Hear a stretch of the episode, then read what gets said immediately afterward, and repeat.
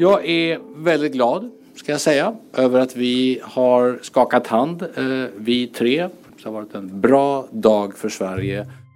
Det har varit en turbulent vår. In i det sista har Ulf Kristerssons regering kämpat för att få med Sverige i NATO. Men nu verkar den sista biten falla på plats. Turkiets president Erdogan har gått med på att landet ska släppa in Sverige i NATO. Politikerna börjar checka ut. Semestertider hägrar. Men den här sommaren ska bli långt ifrån lugn. Fiery protests have erupted in the Muslim world after anti Islam activists in Denmark and Sweden recently staged public events where they burned or damaged copies of the Quran, the Islamic holy book. A provocative act that risks further damaging Sweden's chances of joining NATO.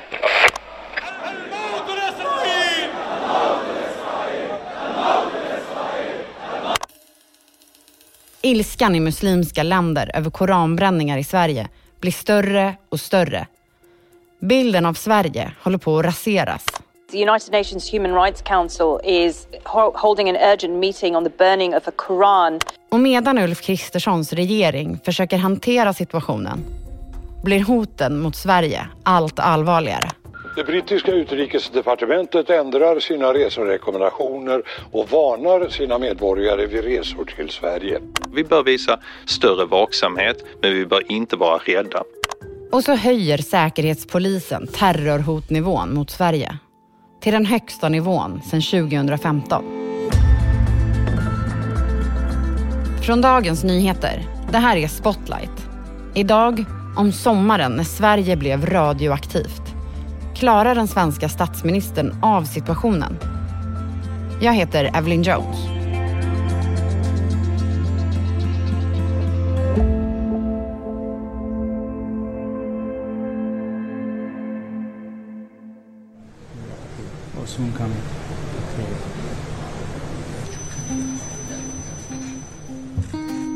Tre mörkklädda män skakar hand.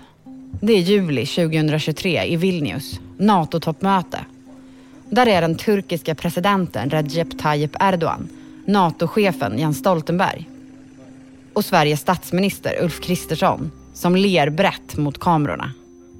Efter månader av samtal och hot har Erdogan gjort det som den svenska regeringen väntat så länge på.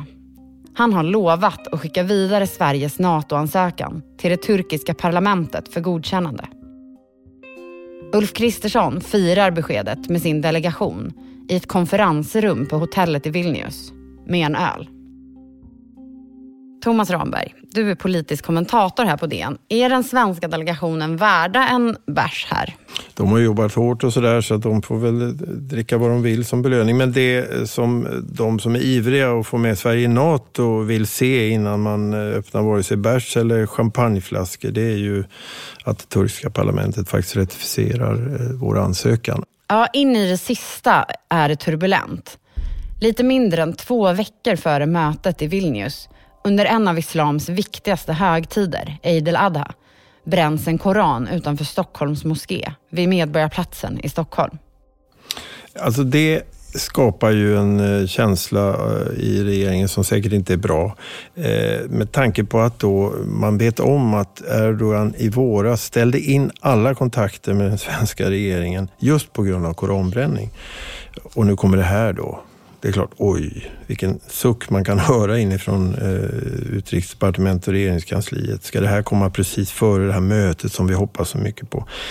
Eh, det är väl ytterligare ett exempel på att regeringen inte styr verkligheten medan omvärlden då, till exempel Turkiet, ser vad som händer i Sverige som ett resultat av regeringens vilja och politik. Eller åtminstone något som regeringen accepterar och tolererar och därför borde ta ansvar för att påverka, att stoppa. Så att det där var nog eh, inte så kul, men det blev ju en väldigt positiv överraskning då för regeringen att man faktiskt fick det här handslaget. Efter det lyckade mötet håller Ulf Kristersson presskonferens. Jag är väldigt glad, ska jag säga, över att vi har skakat hand, eh, vi tre. Det har varit en bra dag för Sverige. Men från mannen som hållit Sveriges öde i sin hand hörs inte ett knyst. Inte förrän två dagar senare, när Kristerssons delegation redan sitter på planet hem, kallar Erdogan plötsligt till pressträff. Han säger fortfarande att det turkiska parlamentet ska ta upp det svenska NATO-medlemskapet så snart som möjligt. Men det kommer inte ske förrän efter sommaren. Men så säger han också vi förväntar oss att Sveriges regering inte kommer att tolerera hatbrott som förödmjukar världens två miljarder muslimer. Han syftar på koranbränningar. Och det här, det skapar lite huvudbry för den svenska regeringen, Thomas, eller? I början på juli så, så säger man från den svenska regeringen Eh, att det, det, här är ju ett säkerhetsproblem för Sverige. Att omvärlden blir arg, att folk, eh, att det kan bli upplopp kring koranbränningar. Att det är ett hot helt enkelt. Och det är det vad polisen har hävdat ganska länge. Och polisen har ju försökt stoppa bränningarna just med hänvisning till säkerhetsintressen. Och nu säger regeringen plötsligt vi är beredda att titta på att ändra ordningslagen för att göra det möjligt. För nu har ju domstolarna sagt att polisen får inte stoppa det med hänsyn till säkerhetsintressen. Ja, då kanske vi måste titta på ordningslagen. Men, säger man med starka bedyranden om att vi absolut inte är inne på att minska yttrandefriheten. För det är ju en annan kritik som har funnits mot regeringen. Och eh, i debatten att man får ju inte tumma på den svenska yttrandefriheten. Man får inte göra eftergifter mot eh, Eh, sådana här opinioner, särskilt eh, mot andra länder där det kanske är mindre demokratiska stater som kräver att Sverige ska göra det ena och det andra. Det blir ju en sorts Orwells dubbelspråk här därför att eh, i praktiken är det ju det här trycket från eh, en, en, muslimsk opinion, från andra regeringar som gör att det uppstår ett säkerhetsproblem Eh, och det är säkerhetsproblemet man motiverar en inskränkning med. För det är ju faktum att får polisen stoppa koranbränningar, ja då har man ju faktiskt inskränkt yttrandefriheten. Så här, här kan man ju säga att regeringen har eh, satt sig själv i ett intellektuellt lite ologiskt läge. Och vad sätter liksom den här eh, tvetydigheten, eller vad man ska säga, vad, vad sätter den Ulf Kristersson i för sits här? Ja, han får ju kritik då eh, för att han för det första fördömer sånt som är tillåtet i Sverige. Det är inte det vanliga att en regering eh, fördömer folks sätt att använda den svenska yttrandefriheten. Eh, utan man brukar bara säga att det där är inte vår sak. Det är, det är de som säger och yttrar och gör vad de vill. Sån är vår lagstiftning. Men han får ju också kritik för att han inte syns till och är tyst. Eh, jag menar, kritiker säger förstås att han är lat, han tar semester mitt i den värsta krisen. Men jag tror framförallt det där har att göra med att han vill kyla ner och inte spä på debatten, hoppas att allt sjunker undan och så finns det en tyst diplomati som pågår hela tiden. Och det var ju lite optimistiskt visade det sig.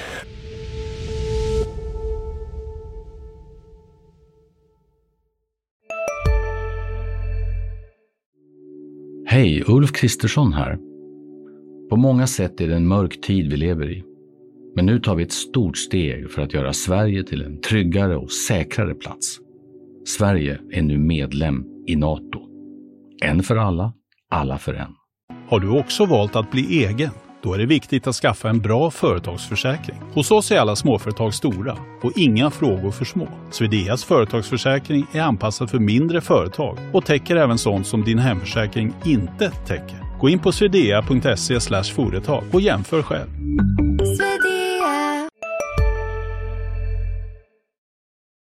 Men reaktionerna tystnar inte. Istället blir de allt mer högljudda. Fiery protests have erupted in the Muslim world after anti Islam activists in Denmark and Sweden recently staged public events where they burned or damaged copies of the Quran, the Islamic holy book. I flera muslimska länder samlas folkmassor för att demonstrera mot koranbränningar och svenska flaggor bränns. Hotbilden mot svenska representanter utomlands blir allt större.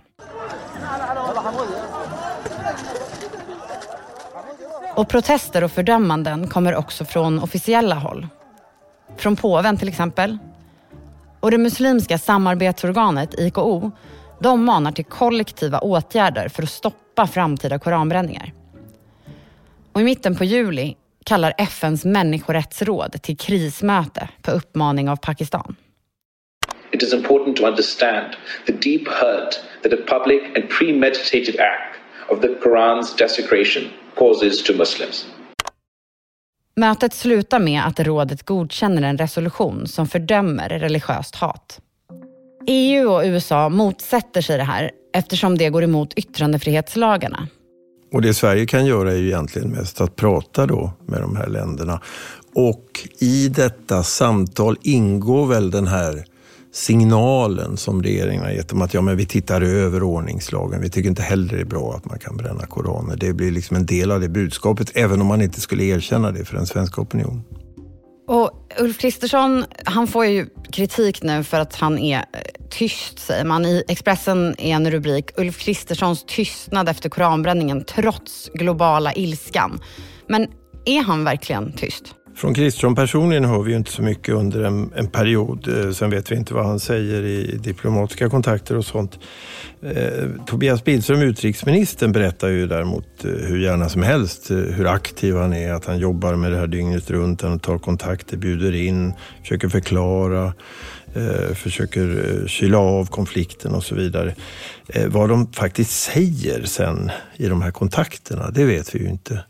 Det vill man kanske helst inte berätta heller för då ska man få kritik för att ha varit eftergiven eller fjäskat eller sådär. Eh, vad de har förespeglat att Sverige ska göra med den här ordningslagen, ja det vet vi inte riktigt heller, men jag skulle tro att det ändå ingår som en viktig signal i detta. Jag menar, vi, vi hade ju tidigare ett tillfälle när eh, Tobias Billström i medier i Turkiet eh, sa att den här nya lagen om deltagande i terrorism, den eh, kan göra det svårare att vifta med PKK-flaggor. Eh, det där fick han ju eh, kritik för sen. Eh, och det var inte riktigt sant. Men, och det var också någonting han inte ville, det, det, var inte till en svensk publik direkt? Nej, det kanske var naivt att tro i så fall att det inte skulle kommit dit och jag vet inte om det var så han tänkte. Men, men det är lätt att man eh, rusar iväg och säger saker som man tror att eh, åhöraren vill höra. Och åhöraren i det fallet var ju Erdogan.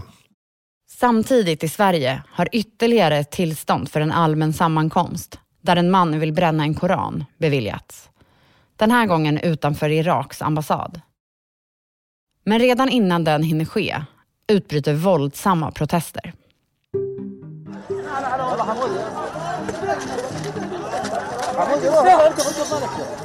Det är natten till den 20 juli när demonstranter tänder eld på den svenska ambassaden i den irakiska huvudstaden Bagdad. Hundratals demonstranter har omringat ambassadkomplexet och tjock rök stiger nu från taket. Det var väldigt dramatiska scener som utspelade sig i Bagdad och eh, ganska så omgående så eh, satte man nu då kravallpolis för att skingra den här folksamlingen. Den inflytelserika shia-predikanten och oppositionspolitikern Muqtada el-Sadr har innan stormningen manat till protester mot koranbränningar i Sverige.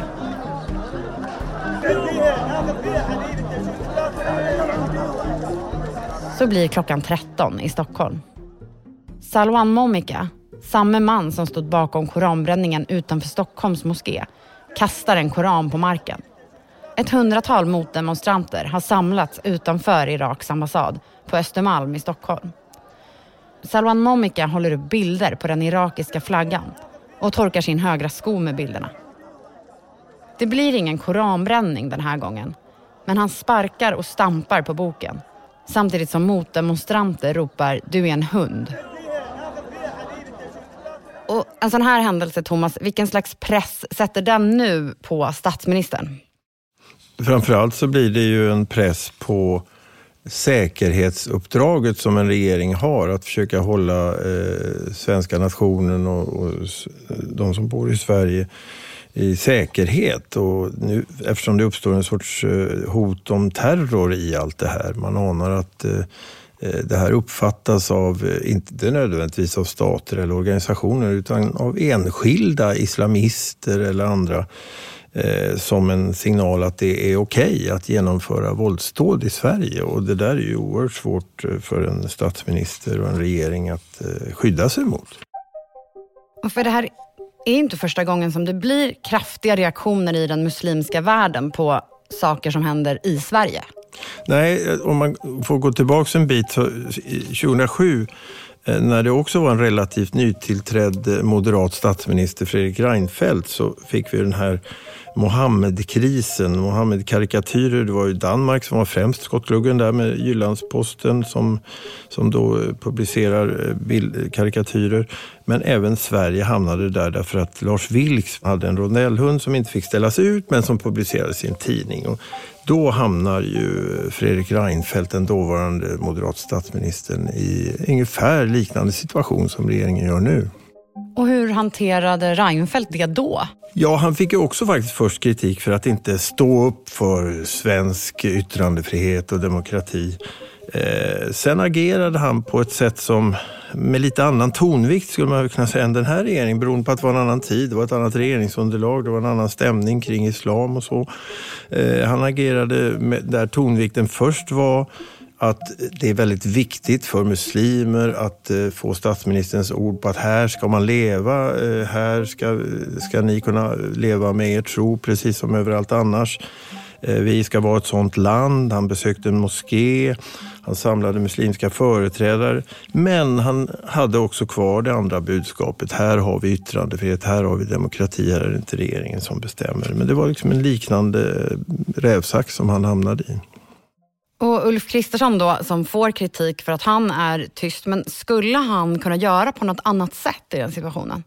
Han har ju ett, eh, lite annat politiskt läge. Dels är ju stämningen i eh, hans väljargrupper annorlunda kring hur man ser på invandring och muslimer och allt det här. Eh, och det kan säkert påverka. Han har ju också ett regeringsunderlag som har som Eh, ganska grundläggande del av sin ideologi, alltså Sverigedemokraterna, att motarbeta islam eh, och, som ser muslimskt inflytande som, ja, med Jimmy Åkesson, partiledaren, har en gång uttryckt att det här muslimska inflytandet är det största utländska hotet sedan andra världskriget för Sverige. Och, och det gör ju att det, det, är liksom en ganska knixig balansgång på det sättet. Eh, men, eh, och, och, därför att det skulle kunna hota hela regeringssamarbetet om man eh, tog i med hårdhandskarna så att säga från regeringen eh, och markerade väldigt hårt mot hur Sverigedemokraternas retorik är kring de här frågorna. Eh, men det man har gjort då till skillnad från Reinfeldt är ju faktiskt den här lilla eftergiften som kanske inte blir någon eftergift i praktiken för att man inte får stöd i riksdagen. Men att man faktiskt börjar diskutera en lagförändring som ska göra det svårare att bränna koraner. Mm. Det är väl den mest konkreta skillnaden mot hur eh, Reinfeldt agerade 2007.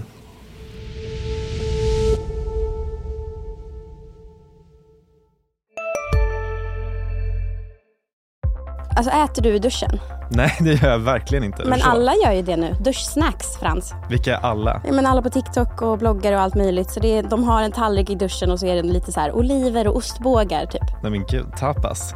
Där drar jag gränsen. Jag, jag kan sträcka mig till duschöl. Men annars så får man torka sig innan man hugger in på godsakerna.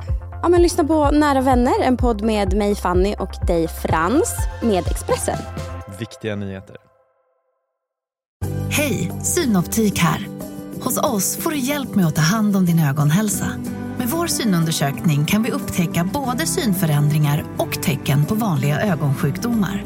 Boka tid på synoptik.se.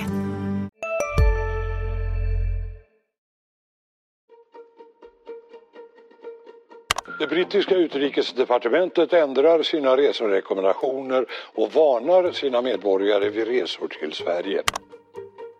Det är den 13 augusti som Storbritannien varnar för att det är mycket troligt att terrorister försöker utföra attacker i Sverige. Och att attackerna kan ske urskillningslöst. Sverige har ju under året gått från att vara ett legitimt mål, alltså ett mål bland andra västerländska länder till att vara ett mer prioriterat mål för terrorattack. Storbritannien blir det senaste i en rad länder som höjer sina terrorvarningar inför resor till Sverige. Och så publicerar den islamistiska terrororganisationen al-Qaida ett hot i sina officiella kanaler. De uppmanar muslimer att begå hämnd efter den senaste tidens koranbränningar.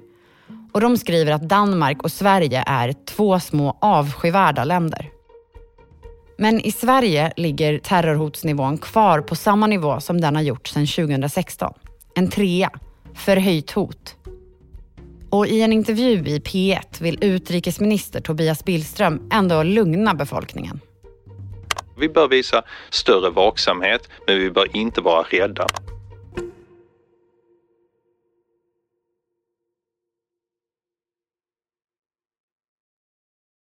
Ulf Kristerssons regering är mitt i en internationell kris. De försöker gjuta olja på vågorna. De diskuterar hur man kan stoppa koranbränningar i framtiden utan att tumma på yttrandefriheten.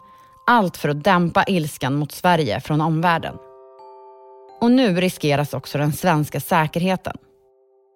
Och så får Ulf Kristersson inrikespolitiska problem på halsen. Det som händer är ju att det kommer ett annat eh, budskap parallellt med regeringens eh, och det är ju från eh, det stora regeringsunderlaget Sverigedemokraterna, det största partiet i hans konstellation, som, där den som har den formellt högsta posten från Sverigedemokraterna i svensk politik, Richard Jomshof som är ordförande i justitieutskottet, fortsätter att elda på mot islam och säger saker som är eh, förolämpande ur muslimsk synpunkt om Mohammed och om islam som religion och sånt. Och det där gör att det pågår någon sorts piratutrikesbudskap eh, vid sidan om regeringens officiella utrikespolitik som inte stämmer med det här avkylande, lugnande sättet som Kristersson och, och Tobias Billström försöker förmedla. Och det där blir ett problem för det är ju en Eh, det, riskerar ju så att säga samarbetet med Sverigedemokraterna och hela Tidöavtalet om man skulle försöka ta i det, så det gör inte regeringen. Men så vad säger då Ulf Kristersson som ändå har försökt gjuta olja på vågorna här om Richard Jomshofs skriverier? Ja, han upprepar eh, en, en, formulering som han eh, också har upprepat på sistone, alltså att vi måste, alla måste besinna sig. Han försöker så att säga vattna ur eh, udden på kritiken så att den inte bara riktar sig mot samarbetspartiet Sverigedemokraternas representant Richard Jomshof utan säger att det här gäller alla, också Richard Jomshof. En enad opposition kräver då en omröstning om att Jomshof ska avgå från sin post som ordförande i justitieutskottet. Men i det, kan de få till det? Det, det är väldigt ovanligt. Men det kan de göra. Men det förutsätter ju då att majoriteten eh, vill ha bort Jomshof. Eh, det vill den inte därför att eh, alla partier i regeringsunderlaget, inklusive Liberalerna där kritiken mot Sverigedemokraterna och Jomshofs uttalanden är starkast, ställer upp för honom. Sen gör man det med Eh, man säger inte så här, att det han sa var jättebra, därför stödjer vi honom, utan man eh, har formella argument. Man säger att det inte är bra att göra så. Då öppnar vi en låda som inte är bra att hålla på och rösta om vem som ska vara ordförande i utskottet. Det ska vara partierna själva som bestämmer och sådär. Eh, sen kan man väl undra om formaliteter brukar kanske inte imponera på väljarna så att för oppositionen var väl detta ändå en sorts politisk poäng som man drev hem genom att visa då att ja men titta, till och med Liberalerna ställer upp för Sverigedemokraterna när det verkligen kniper. Så viktigt är samarbetet för de här partierna. Och jag vill gärna betona att det, det, det, är för mig som utrikesminister otroligt viktigt att vi förstår att det här läget som vi har hamnat i, det behöver vi ta oss ur genom att ha en dialog och då hjälper det inte eh, att vi har en massa inrikespolitiskt tjafs i bakgrunden. Så kallas Säpo till pressträff. Det är den 17 augusti och chefen Charlotte von Essen bekräftar uppgifter som redan har spridits under dagen. Om att jag idag har fattat beslut om att höja terrorhotnivån från ett förhöjt till ett högt hot.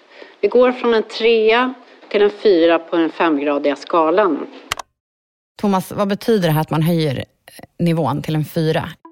Det här eh, trean, som ju redan det är en eh, högre nivå så att säga, det, den kom redan 2010. Och det var just i samband med hot mot eh, Lars Vilks. Eh, sen har det egentligen bara varit en fyra under några månader och det var mellan eh, hösten 2015 och våren 2016 och det var efter terrordåd i Paris. I det här läget är Säpo eh, noga och Charlotte von Essen noga med att avdramatisera vad den här fyran betyder vilket har skapat en viss förvirring. Men hon säger att ja, men nu är det väldigt viktigt att se att det, är inte så att det finns ett konkret enskilt hot som gör att vi höjer, utan det är en allmän bedömning. Och samma eftermiddag håller statsminister Ulf Kristersson pressträff tillsammans med justitieministern, rikspolischefen och Säpochefen. Jag förstår att många svenskar just nu känner oro över innebörden av den nya och högre hotnivån. Och till alla dem, till alla er, så vill jag precis som polisen säga att vi ska leva våra liv som vanligt. Låt oss alla därför vara extra vaksamma mot desinformation och mot rykten. Och Ulf Kristersson då, klarar han att ta Sverige igenom den här krisen? Problemet för Kristersson här är ju att det inte är han som styr verkligheten. Han styr inte koranbränningar, han styr inte reaktioner från omvärlden, han styr inte reaktioner från enskilda eh, människor som kan tappa huvudet i Sverige. Eh, han styr inte ens, eh, eller han väljer inte att styra beroende på om man har oppositionens eller hans egen beskrivning vad hans regeringsunderlag Sverigedemokraterna säger och gör och agerar. Så att han, det, det, han själv kan göra någonting åt det är ju vad Sveriges eh, regering för för utrikespolitik. Och eventuellt vad den kan lägga för förslag till lagändringar om man nu tror att det har någon betydelse i det här sammanhanget.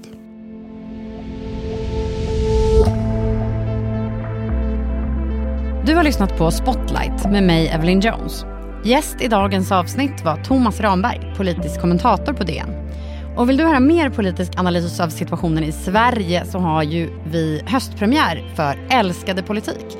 Då kommer Thomas Ramberg tillsammans med Lina Lund och mig grotta ner oss mer i vad det är som händer i Sverige. Eller hur Thomas? Ja, i motsats till världspolitiken så har ju vi tagit sommarlov men nu är det verkligen dags att rivstarta. Så lyssna gärna på det. Producent var Sabina Marmelakai, ljudtekniker Patrik Miesenberger. Ljudläggning och slutmix gjordes av Anne Skog Obel på Third Ear Studios. Vignetten är komponerad av Patricio Samuelsson. Ljudklippen i dagens avsnitt kom från TT, AP, SVT, Sveriges Radio, TV4, Reuters, France 24 och Al Jazeera. Ansvarig utgivare för dagens nyheter är Peter Wolodarski.